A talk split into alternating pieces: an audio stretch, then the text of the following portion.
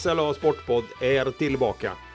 Faktiskt avsnitt 64 sen vi startade upp det här och vi trampar på, finns inget annat i sikte där. Idag får vi konstatera att vi är fulltaliga i våran studio i SLA-huset med mig Janne Larsson och Linus Hellman. Welcome! Hej hej! Anton Gustafsson. Hallå, hallå, hallå, hallå. Ja, det var ingen tvekan egentligen, men att jag ser dig, det ser bra ut. Ja. Och Erik Augustsson. Ja, hej och tack.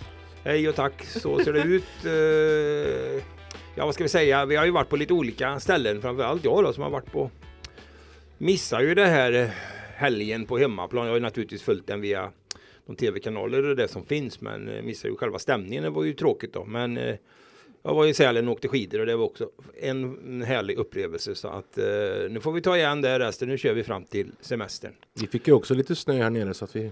Ja, det kan man väl säga att det fick. Jag såg det också så att eh, ja, vi återkommer till det. Det var ju en väldigt, väldigt speciell historia bakom det, men det tar vi sen. Hur har Linus, du var med och skotta förresten? Nej, jag var inte det utan jag följde det på distans. Så att, eh, men det verkar vara ett rejält jobb de fick göra. Absolut. Li, eh, Gus, ni var där.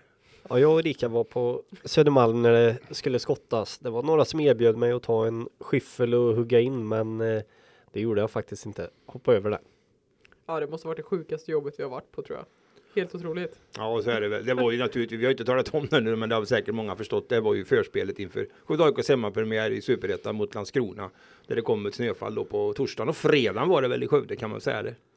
Ja, det var det. Och när vi var där, det, ja, men det, det var fredag kväll var det och matchen spelades tre på lördagen. På fredag eftermiddagen så kändes det helt omöjligt faktiskt att det skulle bli någon premiär. För vad var det? En decimeter snö i alla fall nästan på planen. Ja, ja. Tung snö som låg där och det stod så skulle börja skottas. Vi kom dit precis när de hade lite samling där ett gäng ideella själar som var där och skulle skotta och folk hade med sig egna skyfflar och grejer och nej, det såg helt orimligt ut att det skulle bli fotbollsmatch där men några timmar senare, typ ett dygn senare knappt så stod vi där och bevakade Superettan-premiär på hemmaplan så att det, ja, det trodde man inte. Men det var fint att se för de gick ut Skövde AIK på sina sociala medier att de behövde hjälp att skotta den här planen. Och Det var rätt många som kom. Det var ja, men en 40-50 stycken i alla Mm, fall och sen med eh, Tobias Linderoth och även Per Ostermo var ju med, sportchefen där och spelartruppen innan deras träning var ju med och skottade också. Då blev man ju en 60-70 personer i alla fall som skottar planen och då tar det inte så lång tid. Jag tror det tog tre timmar eller något. Det är hyfsat. Jag är imponerad av det också tycker jag att, eh, att Linderoth och spelarna också ställer upp liksom på, på den här nivån. Det var som jag skrev någonstans i veckan att eh, jag kommer ihåg det där från min barndom liksom när min far det och även när jag själv spelade bandy. Då fick man ju skotta planen innan då för det hade snöat för mycket på Hållstammen eller någon annan sjö runt omkring i Skövde som fanns och även hockeybanorna var ju så men nu fick man även göra det på den här nivån och Tobbe Linderoth då med hela sin eh, karriär som man har på internationella scenen som fotbollsspelare. är ju- Drog sig inte för att ta en skyffel. Det är, det är stort ledarskap. Ja, det, det var ju ingen snack. Han var ju, han satte ju spela. Det var ju precis när vi kom dit så kom ju Linderoth där och tog en skyffel och sen började ju spelarna släntra in och han ropade ju bara på dem. Det är bara att ta varsin skyffel och hugga in här så att eh, ja, men det var kul. Han, ty- han tyckte ju faktiskt att du och jag skulle ta en också. Ja, det tyckte Måste han. ni stå här och titta och fota och bara snacka? Kan ni inte skyffla lite också? Men Ja, vi- vi man hävdar, ju, man hävdar ju att man hade mycket att göra då. Precis, liksom. ja, det det är några viktiga personer att prata med så man Ja. slank undan lite där. Ja, det blir en bra grej också i mediamässigt hela den grejen och den tror jag Skövde AIK också.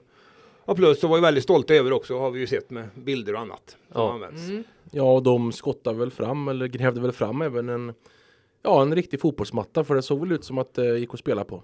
Ja, och vi såg alltså både under matchens gång så kändes det som att det höll bra och du och jag Linus var ju uppe på söndagen sen på annan match där och var ute och kollade lite på gräset och det såg ju ut så håller bra faktiskt. Ja, det verkar väl ha överlevt får man ju säga ja. ändå.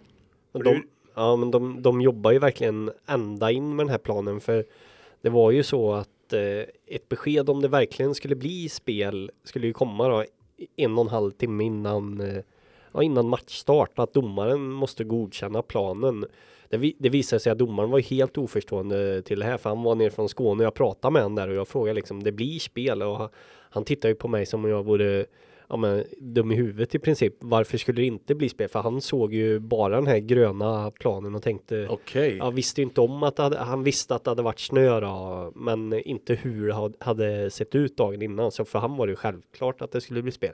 Och i och med att jag var där ganska tidigt då så höll de ju på Skövde AIK och, ja, men att fortsätta och skotta ja, tills det var i princip en timme innan löparbanor och allting för att få ut avbyta bänkarna och ja, men köra undan den sista snön. Så det var ju ett arbete, ja, ett långt eh, ända tills det var ja, en timme kvar till spel egentligen. Men var det någon dramatik då när man skulle fastställa att det dög för att spela eller blev det mer en formsak då helt enkelt? eller? Ja, nej, det var ju ingen dramatik. Enda dramatiken som jag kunde hitta var egentligen att domaren hade haft svårt att få tag i en hyrbil upp till Skövde då, för att han hade, i och med att han visste att det var snö så behövde han en med dubbdäck då. Och det fanns inte så många hyrbilar med dubbdäck i Skåne tydligen. Utan en kvar fanns det och den fick domaren och hans eh, skånska domarkollega. Okej, så det, det låg i dramatiken alltså. Ja, mer, mer spännande än så var det egentligen inte. Men jag som såg matchen på eh, Discovery då såg ju också att det var väldigt grönt. Jag tyckte det var misstänkt grönt eh, egentligen. Så att obekräftade eh, källor, eller ja, vad ska man säga? Frågan är om de inte har haft på lite grön färg i det här.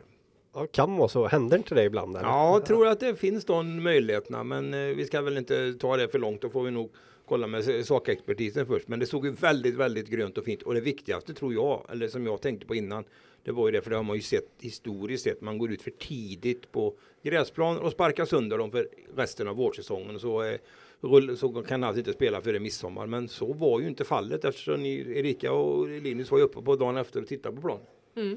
Ja, Nej, jag tycker jag bedömde det som att det överlevde och att det kommer bli väldigt bra på nästkommande hemmamatch då. Om- Norrby hemma. Ja, precis. eh, nästa söndag den 24 april. Om vi tar själva matchen som sådan då, för jag menar nu får hela säsongstarten på Skövde AIK. Sitter det med full pott som man kan kalla det för efter två omgångar. Det är ju inte många som hade trott och mm, det var väl matchen mot Landskrona var väl helt rättvis seger.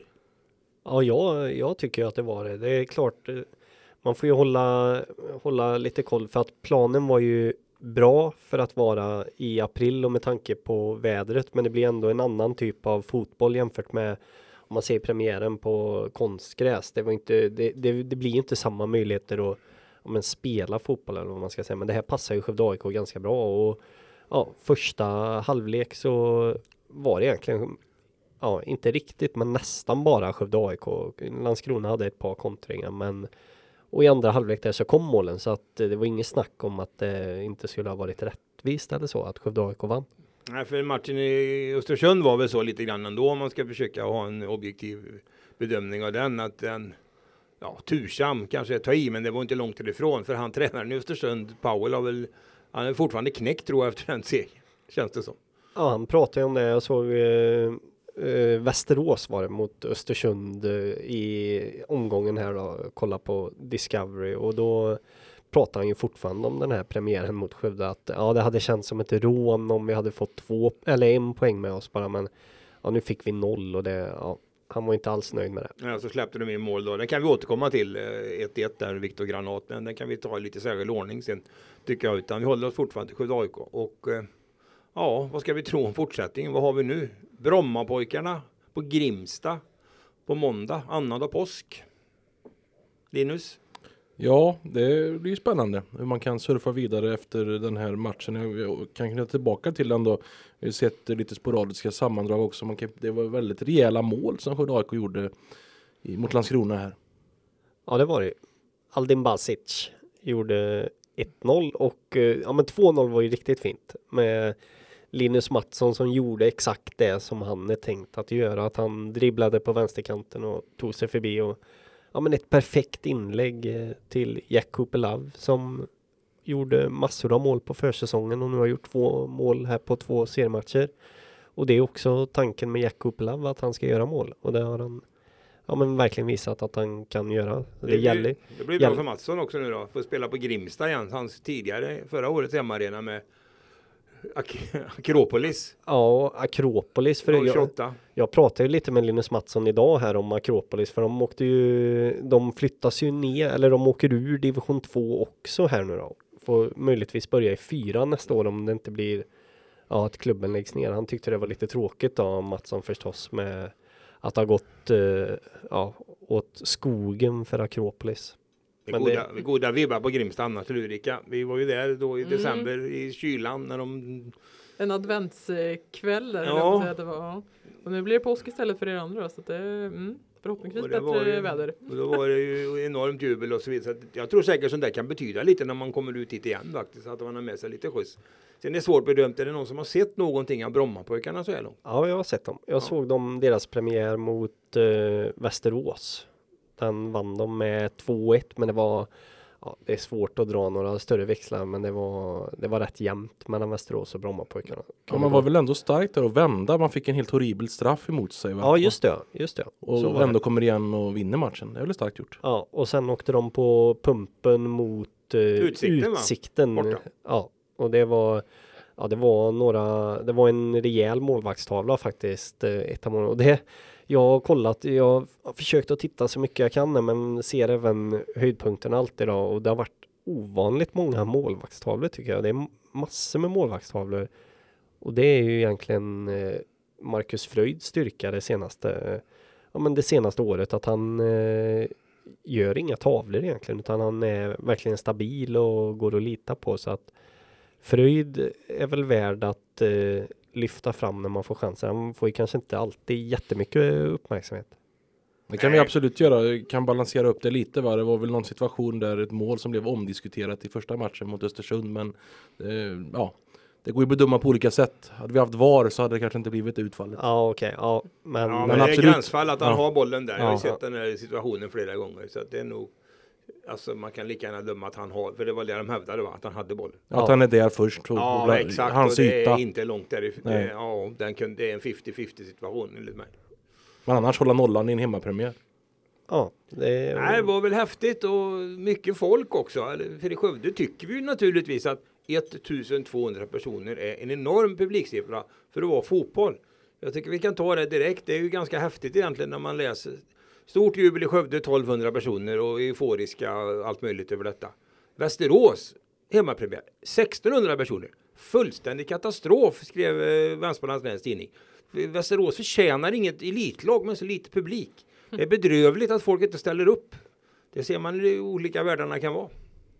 ja, och det var egentligen samma sak i Östersund. Eh, det var snack om att det inte alls skulle bli så mycket publik i Östersund. 1600 landar vi där på någonting. Ja, i och för sig så hade de väldigt billiga, bi- eller väldigt billiga, men biljetterna kostar bara en hundring då. Men ja, Skövde AIK är ju inte, på, på den här nivån så är inte Skövde AIK ett publiklag, hur man än eh, vänder och vrider på det. Sen är ju, det är klart, 1200 personer här när det var snö dagen innan är ju en supersiffra mot hur det har varit tidigare år. Om man tänker eh, i, när de har spelat i division 1 så är det ju inte jättemånga matcher som har varit över tusenstrecket de senaste åren direkt. Nej, onekligen. Men man är ju nykomlingar på flera sätt. Men det ska bli intressant sen när vi har väl någon hemmamatch i maj då när vi när favorittippare Halmstad BK kommer till Södermalm och tippa vad en sån match kan ge då.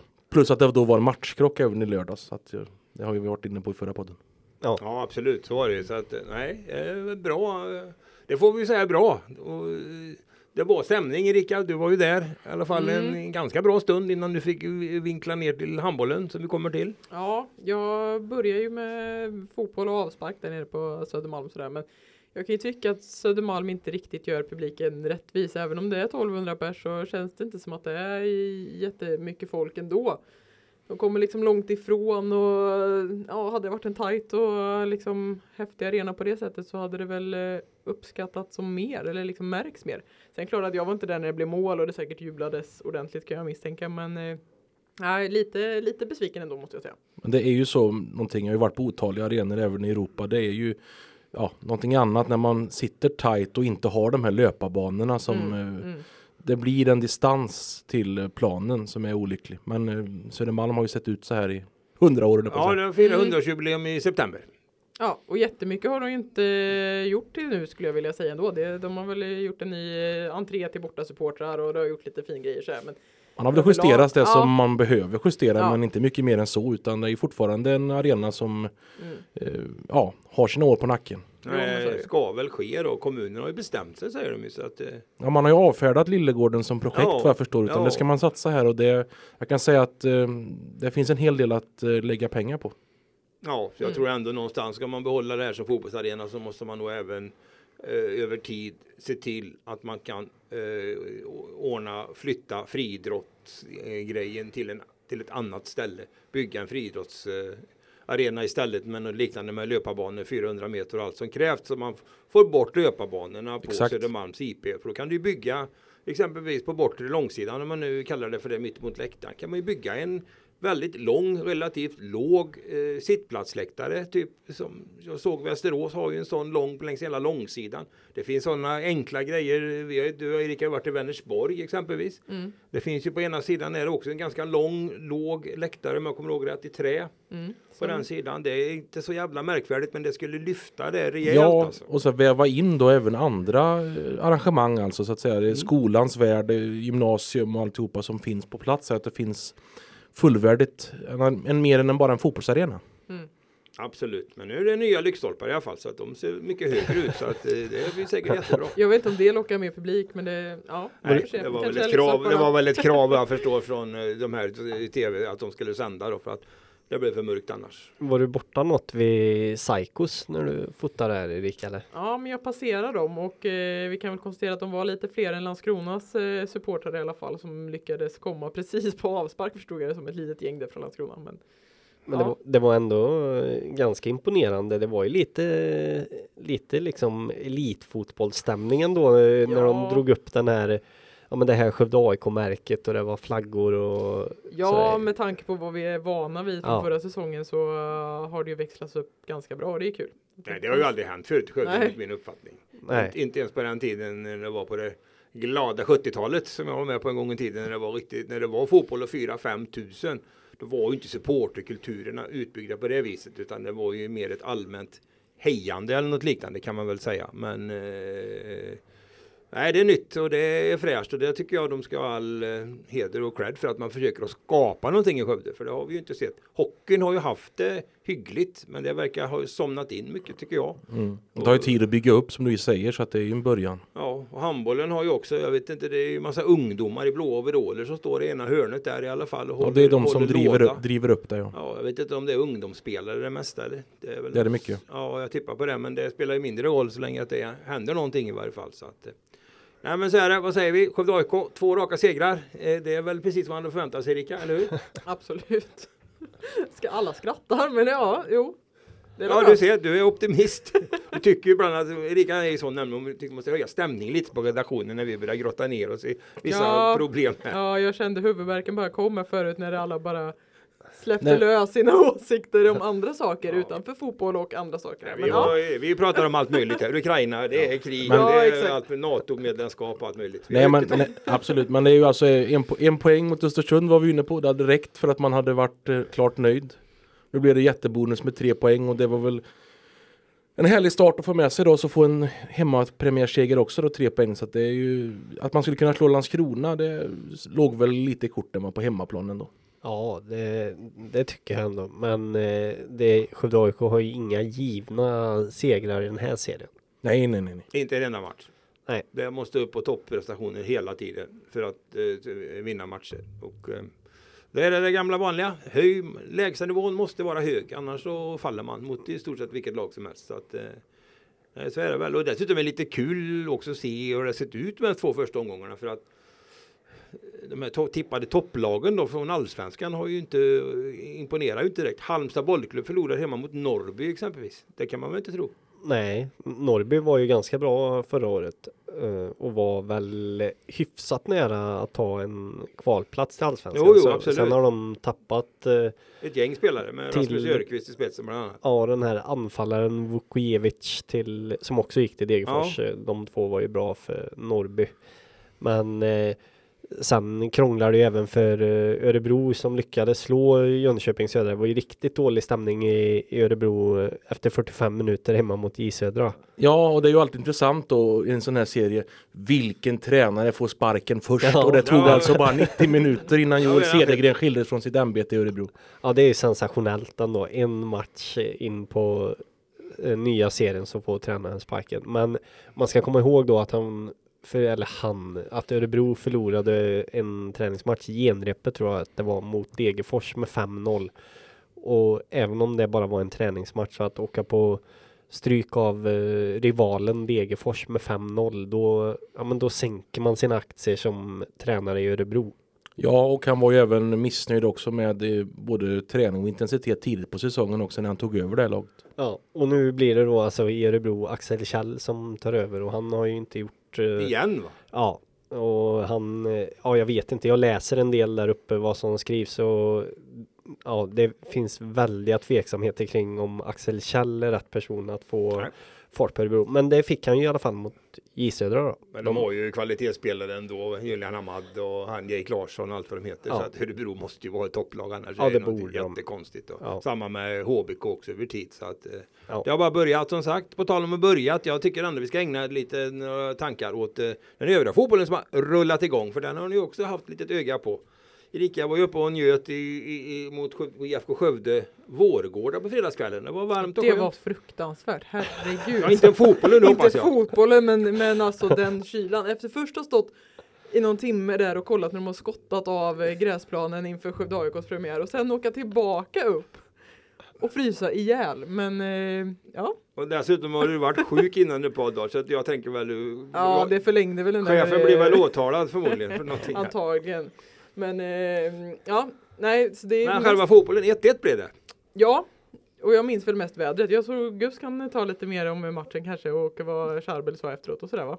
Ja, vad sa Charbel? Charbel sa att han... eh, Han var inte nöjd ju. Nej, så var det. Han var inte nöjd och eh, han, ja IFK var ju mycket bättre än de här. Vårgårda var, ja det var eh, mer eller mindre spel mot ett mål under första halvlek och vad såg vi? En timme ungefär. Sen var vi Mm. tvungna att åka tillbaka till eh, redaktionen och på något sätt då så, så lyckades ju Vårgårda men kvittera och de hade tydligen kommit in i matchen lite men tyckte IFK spelade ganska bra men eh, har ju svårt att eh, ja, men ta sig till målchanser och så vidare. Men det, en del, och sen ska man veta också att IFK har ju en del spelare borta som är skadade. Ja, Edis Alihovic var inte med exempelvis. Nej. Det är väl ledande målskytten Ja. enkelt. det är det ju. Han gjorde ju flest i IFK förra året. Men eh, ja, det, det var väl ett okej, eh, en okej start på säsongen. Även om IFK nog gärna hade velat ha. Ingen aning om hur bra eller eh, klassen på Vårgårda eller den här serien. Svårt att bedöma. Ja. Nej, men det känns väl som att man börjar där man slutade förra säsongen. Liksom. Det, är, det är få segrar alltså. Ja, Spelar var- ganska bra mellan varven. Ja, men man gör ju det va. Men man, man omsätter ju inte det här enorma bollinnehavet eller spel, ja, äger, äger spelet liksom i mål och ja, åker, åker på ett baklängesmål och tappar poäng. Och i förra året tappade man ju till och med ja, poäng. Det blev till och med förlust på slutet liksom, att matchen bara vänt. Så att, eh, och som du var inne på, truppen är ju tunn.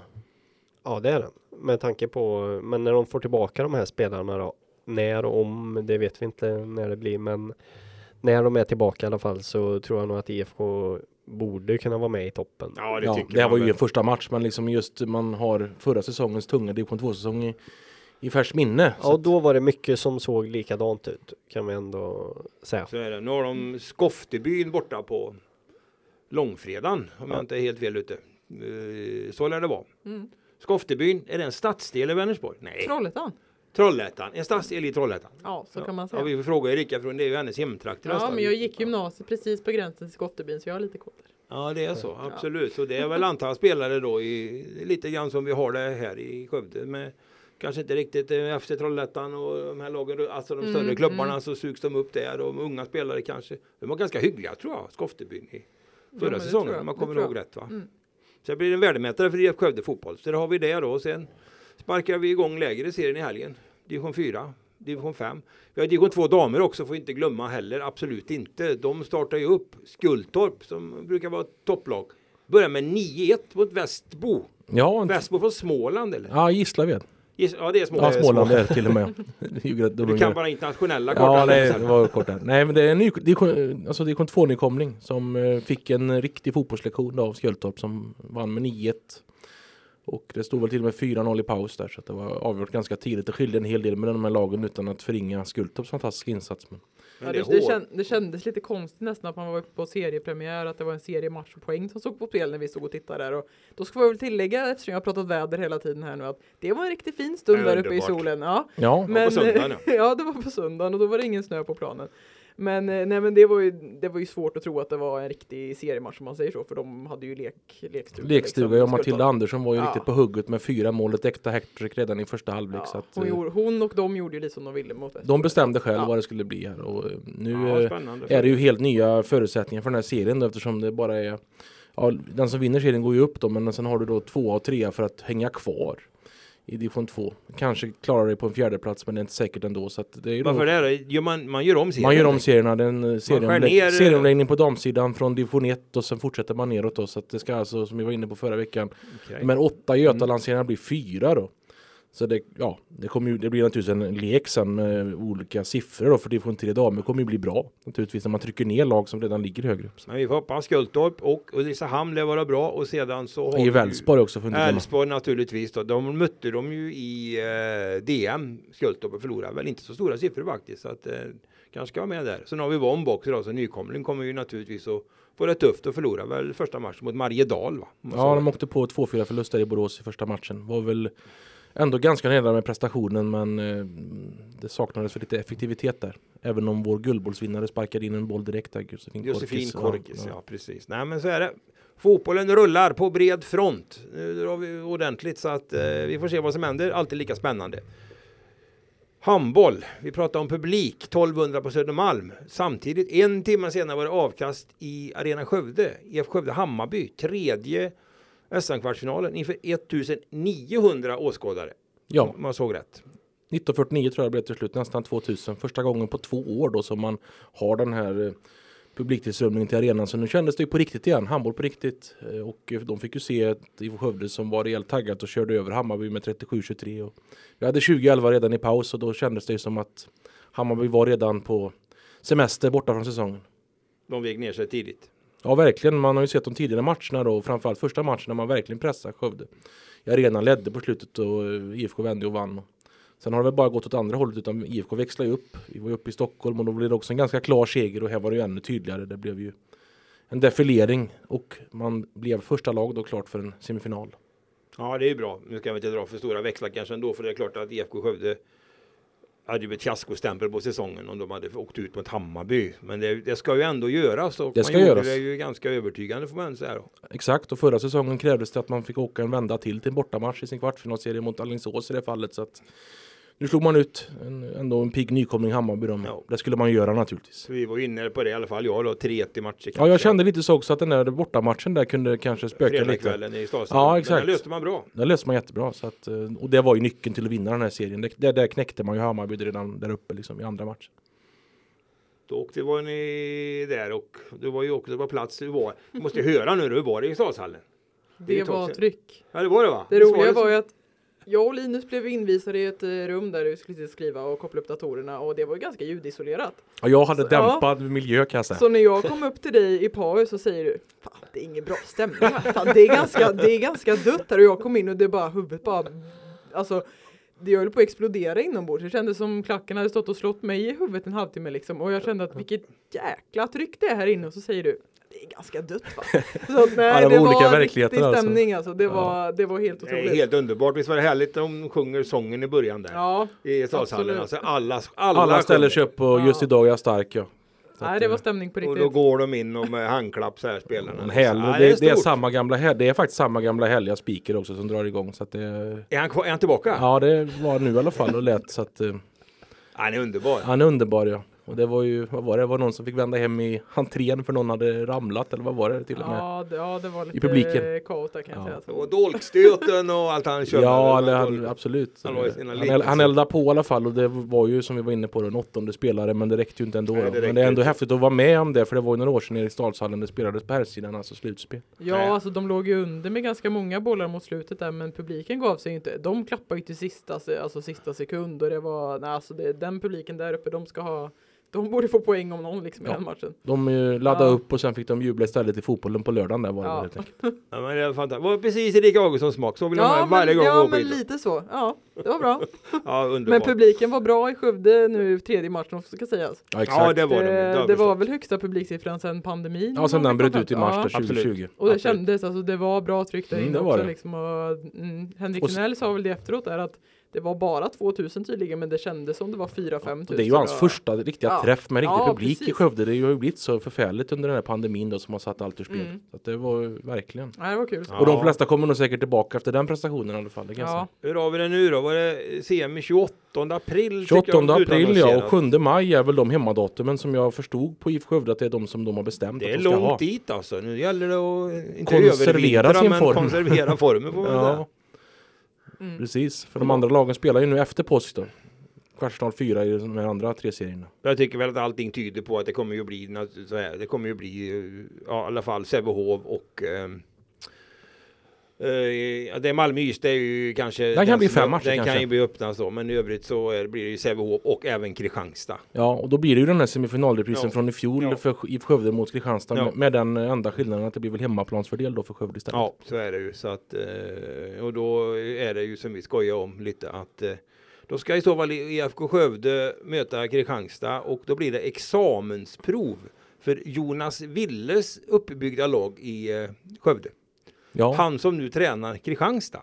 exakt. Så kan man nog säga lite hårt för han har ju, det är ju Dan Bäck Hansen och, och Helt Jepsen och de här. Det är ju spelare som han har plockat i Och sen Skövde, som liksom. ska till Kristianstad också, så det blir Ja, väldigt det delikat blir, alltså. Ja, det blir väldigt delikat måste jag säga. Så att, eh, det blir spännande för jag har oerhört svårt att tro att Alingsås kan vrida sig ur det greppet. Nej, jag trodde Kristianstad skulle ta redan den matchen i Alingsås, för Mm. de ledde ju den med 4-5 bollar Ja. och sen svängde pendeln tillbaka då, så jag tror att de har fått sin skalp där. Det Liksom. tror jag. Och det är likadant med, eh, vad heter de? Uh, Lugi, Lugi. Det ja. var han första liksom. Sen har det inte varit något snack. Nu såg han Mark uddade väl gjort klart att han skulle sluta i Lugi också efter säsongen. Mm. Så att, ja men eh, så är det. Men vi får vänta. Det kommer att bli handbolls dramatik framöver. Det är vi helt övertygade om. IF Skövde i semifinal. Ja, och den spelas väl den serien fram till tror jag 15-16 maj där, så det blir ganska intensivt om det blir en lång semifinalserie med matcher då. Det är 14 dagar den ska avverkas på. Hinner vi få klart handbollen innan semestern? Det är precis. Ja, det är väl precis. Så blir det final Midsommarafton och lite SM-final. finalserien Ja, om IF går dit. Den blir ju verkligen komprimerat och intensivt. Då, så. Ja, men härligt, härligt. Vilken Ändå. datum ska handbollsslutspelet vara klart egentligen? Finns det något sånt sagt eller? Jag har inte sista datum, men i maj där är det. Ja, det är en bit in i maj. Mm, Det är ganska mm. långt in i maj tror jag. Så, att det, det, så, så är det ju. Så att det, det, kommer, det kommer ta en stund. Ja. Tredje, tre, tredje finalen i fjol spelades 18 maj tror jag. Så att, Mm. Vi ligger ungefär där också. mm. Nej, men vi får se då. Det är ju rätt lite kul också. Bara nämna som hastigast tycker jag att nu har ju då efter många års slit kan man säga ser det väl ut som IFK Skövde kanske kan få upp sitt eh, Ja, det heter ju inte farmarlag längre, väl utveckla HK Skövde. Det är ju står ju avgörande matcher mot IFK Kristianstads utvecklarlag. Är det. De Ja, möta exakt.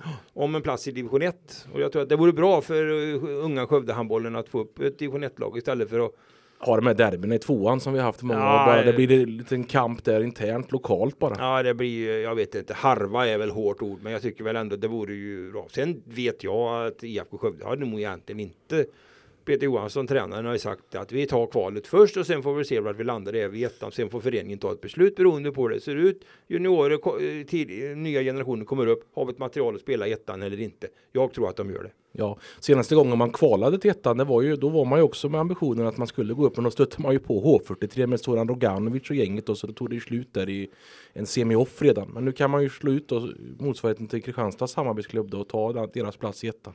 Och jag pratade med målvakten där, Alexander Skog, han spelade i Skövde när vi var nere på i måndags, där hade man ju en helt akademi där med lite spelare och det är klart att det finns ett väldigt sug att gå upp där och även då kanske behålla spelare som kanske annars lämnar och funderar på sin handbollskarriär utan kan man spela vidare och har man en framtid där också för det är en viss nivå ändå att spela i division 1. Ja, men det är ju det. Men där hamnar man ju i en fundering då för att HK Skövde är enligt min uppfattning i huvudsak till för att IFK Skövdes juniorer ska få en bra matchning. Och det kommer nya spelare hela, eh, hela tiden upp och då är det, ska man behålla äldre spelare, ja då får man ju eh, bestämma stämma sig att eh, vissa juniorer då kanske får lämna. Men det beror ju på hur det ser ut i kullarna under. Det kan jag för dåligt alltså. Ja, och sen fanns det ju då eh, när kartan var så, HK Country var ju ett rejält alternativ också för spelare som verkligen satsade då när man var uppe i allsvenskan även i ettan och spelade. Ja, de gjorde ju bort sig där med någon spelare som inte var spelklar. Ja, de skulle ju också naturligtvis ha Ja, men de hade ju varit i kval annars. Ja. Men det blev ju något galet där. Men som, ja, Ja. det får de fundera på och lära sig av. Så är det. Vi släpper det. Premiär är vi inne på. Kanske premiär i motocross. Mm. Eller hur? Jajamän. Påskhelgen, Landskrona, Erika på plats. Klassiker. Saxtorp bjuder på dubbel premiärhelg när det är cross-SM. Ingen snöskottning. Mm, nej, det hoppas jag inte i alla fall. ja, jag har plockat fram lite vinterkläder och packat och sådär. Men mamma har skrivit glöm inte shorts, det kan bli varmt. Det blir vi får se. 15 grader. har Ja, men jag tror varmare. inte på det Du där? Saxtorp. Nej, det kommer snö. Jag tror på snö. Ni åker hela familjen. Ja, men eh, jag och killen drar ner i plåtis redan på eh, torsdagen och eh, sen kommer resten av familjen ner på fredagen i en fullsmokad husbil med Härligt. Även mor och far. mor och far Ja, och härligt, det är härligt. brorsan och det är hundar och det är kompisar Oj, och det är oj, oj. flickvänner och det kommer vara fullt i depån. men det blir härligt. Ja, men det blir bra. Rent sportsligt då. Tibro Mm. MK är naturligtvis det vi, vi, vi pratar Mm. om för våran del som har ju toppförare i Sverige. Inte minst den är då Anton Gole då som blev så illa skadad och vi trodde väl nästan att karriären var över. Men det är den inte. Nej, han ska köra. Det var ju, ja för att ta lite historia där då så var det ju, han var ju klar svensk mästare förra säsongen. Efter sin första säsong i Tibro MK och eh, skulle bara rulla igenom finalen i Vimmerby och eh, ådrog sig en allvarlig knäskada och fick lämna i ambulans. Och var inte tillbaka på hojen förrän ett halvår senare i mars här nu och är redo för start igen. Men det var ju väldigt tveksamt där om han skulle köra eller inte och visste väl inte hur han skulle göra. Men sen läste jag någon intervju där för någon vecka sedan att eh, han hade väl sagt att vad ska man göra annars i livet om man inte får göra det man älskar liksom. Så att det, det blir en ny satsning och jag pratade med honom häromdagen här nu och han går väl in med noll mål och förväntningar säger han i premiären men eh, känner jag Anton Gole rätt utifrån vad man har sett honom göra på banan så kommer han ju sikta högt även om det kanske inte blir Han toppen kunnat- i premiären. För du har ju koll, det vet jag ju då. För det behöver inte hymla med. Du har ju en bror som är väldigt duktig och åker på den här nivån också. Mm, mm. Därför har du ju bra koll. Ja. Har han kunnat träna och han har varit med och tränat och så kunnat köra. Jag tänker på Gole då. Vad vet man om det? Hans Ja, han- försäsong. Ja men han har ju, han började ju köra i, om det var början eller mitten av mars. Innan dess har jag inte suttit på motorcykeln sedan eh, skadan i september. Men jag har ju sett i sociala medier och sådär att det har blivit mycket träning på gym och liksom annan träning sådär. Så Men att, rapporterna eh, från mars då på cykeln då? eh, Om du vet någonting om det eller? Alltså exakt nivå så vet jag inte riktigt men eh, enligt honom själv så har han gjort allt vad han har kunnat och ja, gjort det han ärligt kan men eh, tidsplanen är ju tight som han säger. Han vill ju vänta med att köra så länge som möjligt för knäts skull. Men samtidigt kunna inte vänta längre än han har råd med heller för att vara i form till premiären. Så det har nog varit en svår avvägning där men eh, jag kan bara hoppas att, eh, att det personligen går bra för honom att han får vara hel genom premiären och säsongen nu. Sen om det betyder att han kan slåss om ett nytt guld eller om han Ja, om det blir en topp 10 placering, det får vi väl se liksom. Men han klarar sig med typ eh, ligamentskador, ledband och sånt eller det var inga Ja, frakturer? Var det En, det? nej, men enligt vad rapporterna så var väl citat allting trasigt. Okej. Ja, så han, han sa väl att det, hade det bara varit något korsband så hade han nog varit tillbaka för ett tag sedan. Då Ja, hade det ja, varit ja, lugnt. det är ju, Men nu var det allting. vi pratar motorsport här, det är det smärttröskeln Ja. tröskeln hög kan man säga har man Ja, ju lärt sig. så. Eller hur? Det, det är Mm. helt, de, är, de är helt otroliga på det, det måste jag säga. Ja. För det är ju inte, det är ju inte lite tufft heller. Nej, men för det lokala intresset här inför premiären så, där så är det ju jättekul. Ja, vad har vi mer då med Tibro? Ja, din bror naturligtvis kommer ju vinna allting då. Men Ja, i ja, övrigt men då? nej, absolut, jättetroligt. Nej, nej, men Eh, förstår, men du förstår vad jag menar. Hur ser det Mm. ut i övrigt? Vi har ju, vi, de är fyra stycken Tibroåkare i MX1 med Gole i spetsen där då. och sen i MX2 så har vi faktiskt två nya Tibroåkare i Rasmus Moen och Arvid Lyning. De körde för Upplands Väsby förra säsongen och eh, om de blir kvar i Tibro hela den här säsongen eller om de byter tillbaka eller byter till annat senare, det återstår väl att se lite. Men, Men, det finns inga eh, övergångstider och transferfönster och allt som vi pratar om i andra sporter i Nej, cross. men det funkar inte riktigt eh, Nej. så i crossen utan man tävlar ju det är ju annorlunda det där med att tävla för en klubb eller tävla för ett team eller tävla individuellt sådär men det, så det funkar inte riktigt som ett eh, handbollslag eller fotbollslag på det sättet liksom. Nej, det kan, det kan vara snabba, snabba lägen helt Ja enkelt. men precis. Så men eh, ja nej men det ska bli spännande att se hur de står sig i Tibro. Nej, men Tibro är väl med och slåss sen också. I, vi pratar lag-SM och sånt naturligtvis. Mm. Och har väl alltid, vill väl vinna guld där varje år eller? i Stort sett. Ja de har ju alltså jag vet inte hur många år i rad kan det vara kan det vara sex, sju år i rad de har tagit medalj i alla Mm, fall så att eh, där är de ju vassa liksom och det är samma i seriekrossen i division 1 där brukar de vinna utan problem faktiskt. Så det, det är hög nivå i Tibro. Vad vet vi internationellt om de här som vi vidgar oss lite av? Det är väl några som är på gång. Vi pratade om det i fjol lite kommer jag ihåg. Motsvarande utav svenska förare som åker VM och så. Det var några namn Mm. där som du. Framförallt har vi ju Isak Gifting i Ja, VM. Han är kvar och kör. Eh, Ja, nu är det väl någon vecka sedan här vid någon, någon tidig deltävling i VM så drog han väl ett nyckelben. Så där ja. Eh, och lite sådär. Så det, mm. Men eh, ja, Alvin Östlund nöter ju på i VM. Jag vet inte riktigt om han kommer göra något gästspel i SM kanske. Han brukar ju vara den som utmanar Anton Gole annars där. Så de har ju gått crossgymnasiet tillsammans. Ja, de har ju varit i de, Tibro också naturligtvis. Ja, de Alvin brukar ju dra Östlund. ihop. Mm. Med kända skidföräldrar för de som kommer ihåg. Erik Östlund och Billan Westin. Exakt. Om ni kommer ihåg henne. Det är alltså Billan mamma. känner jag igen. Jajamän, Ja, hon vann. VM-guld i någonstans på 80-talet tror jag. Mm, Öppnade dörren tror jag för mycket av de skidframgångar som har varit. För Sverige hade ju inte vunnit någonting på massor utav. De bor någonstans ute vid Bollnäs kanske. Ja, där uppe någonstans. Ja.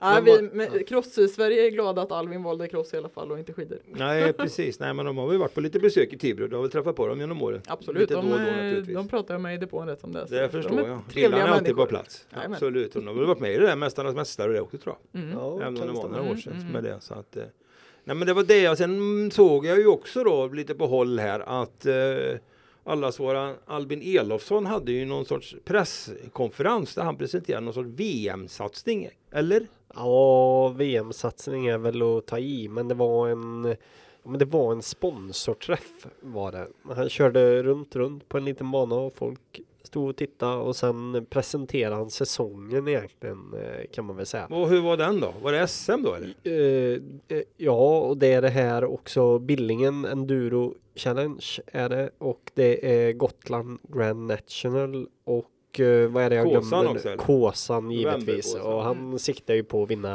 allting då. Ja, ja. Eh, givetvis. Och sen hade han tre VM-turnéer eller VM-deltävlingar inplanerade men hoppades på att kunna åka mer och till nästa år så hoppades han på att kunna köra en hel VM-säsong. Det kräver ju något, eh, naturligtvis ett heltäckande kontrakt med någon fabrikat kan jag tänka mig för Ja, att få åka en hel VM-serie.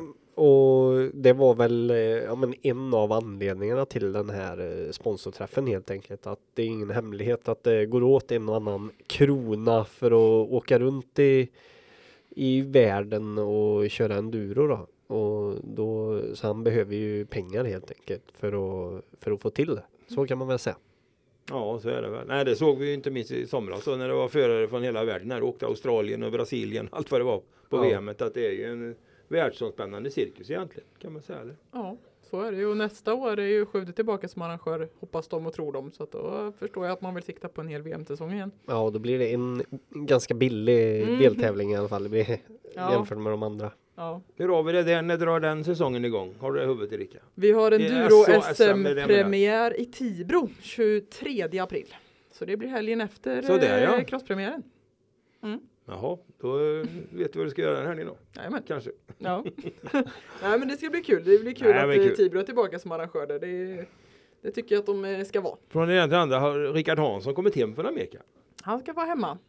Enligt sociala medier så är han hemma och har väl landat på hemmaplan igen. Ja, vi, vi får väl känna lite honom på pulsen kanske inför det, när Ja, vi drar igång då hemma i, i det. Tibro då. För Mm. att det var väl både upp och ner vad jag förstår. Det var nog ganska tufft för honom tror jag. där Ja, han provar ju på några deltävlingar i GNCC där, den amerikanska långloppsserien och det gick väl inte klockrent. Det var någon skada och sen så hämmades han av skadan i nästa deltävling och så blev det någon som blev bruten och sådär. Så att det, nej, det var nog tufft tror jag, men Ja, det eh, tufft. säkert lärorikt. Ja, precis. Och det var väl det. Det var väl därför han åkte också. Jag Ja, förstår. precis. Vi, vi får återkomma med en Det summering för vi. SM Det här gör kanske vi. och Det hoppas att det vi. blir bra. Han hade ju hojen kvar läste jag Ja, på sociala medier att han lät hojen och eh, vad var det bilen eller vad Ja, säger man? Last, precis. nej, I USA? ja bussen.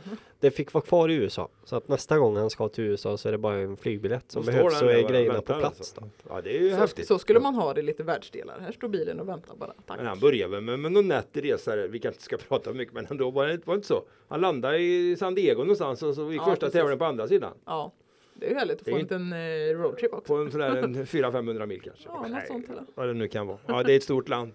Det stora landet i väster Linus. Där har vi varit och haft mycket Ja, roligt. det är underbart. Eller hur? Jag hoppas vi kan återkomma snart faktiskt. Ja, nu får man hoppas att det blir lättare igen att åka över. Det kommer det nog att bli. Så har vi med det. Eh, påsk.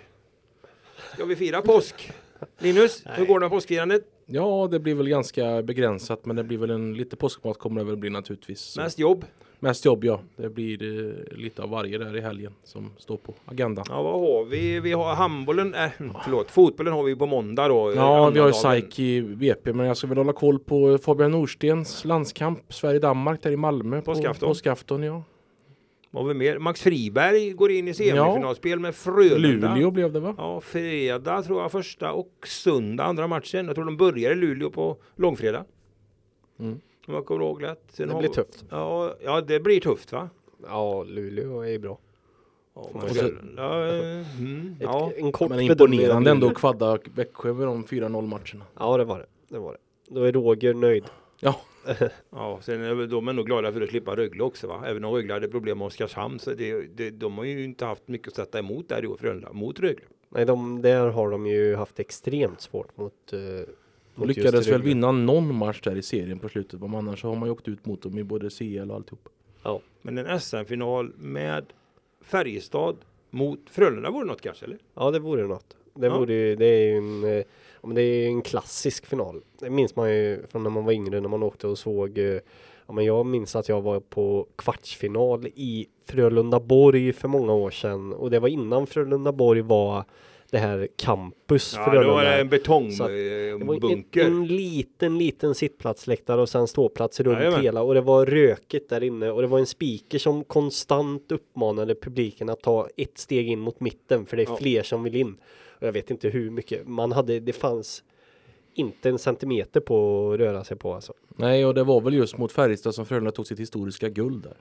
Och de har ju spelat i även final, eh, minns jag när vi, om jag minns rätt, lockout-säsongen också. Det var massa stjärnspelare. Så att Ja, det finns Ja, det tycker jag, men det blir väl historia. inte alldeles enkelt då. Det kanske blir Luleå mot Rögle istället då. ja det är väl, eh, Är det ditt tips? ja, det, det är mitt Bara tips. så inte Friberg lyssnar på det här nu då. Nej, då blir han arg. Men Ja. det får man väl leva med i så fall. Det, det blir klassisk tändvätska till Friberg. Och, så, om det behövs, jag vet inte. Nej, jag tror inte det behövs. De är nog taggade och Roger Rönnberg är väl också taggad så det Ja. räcker.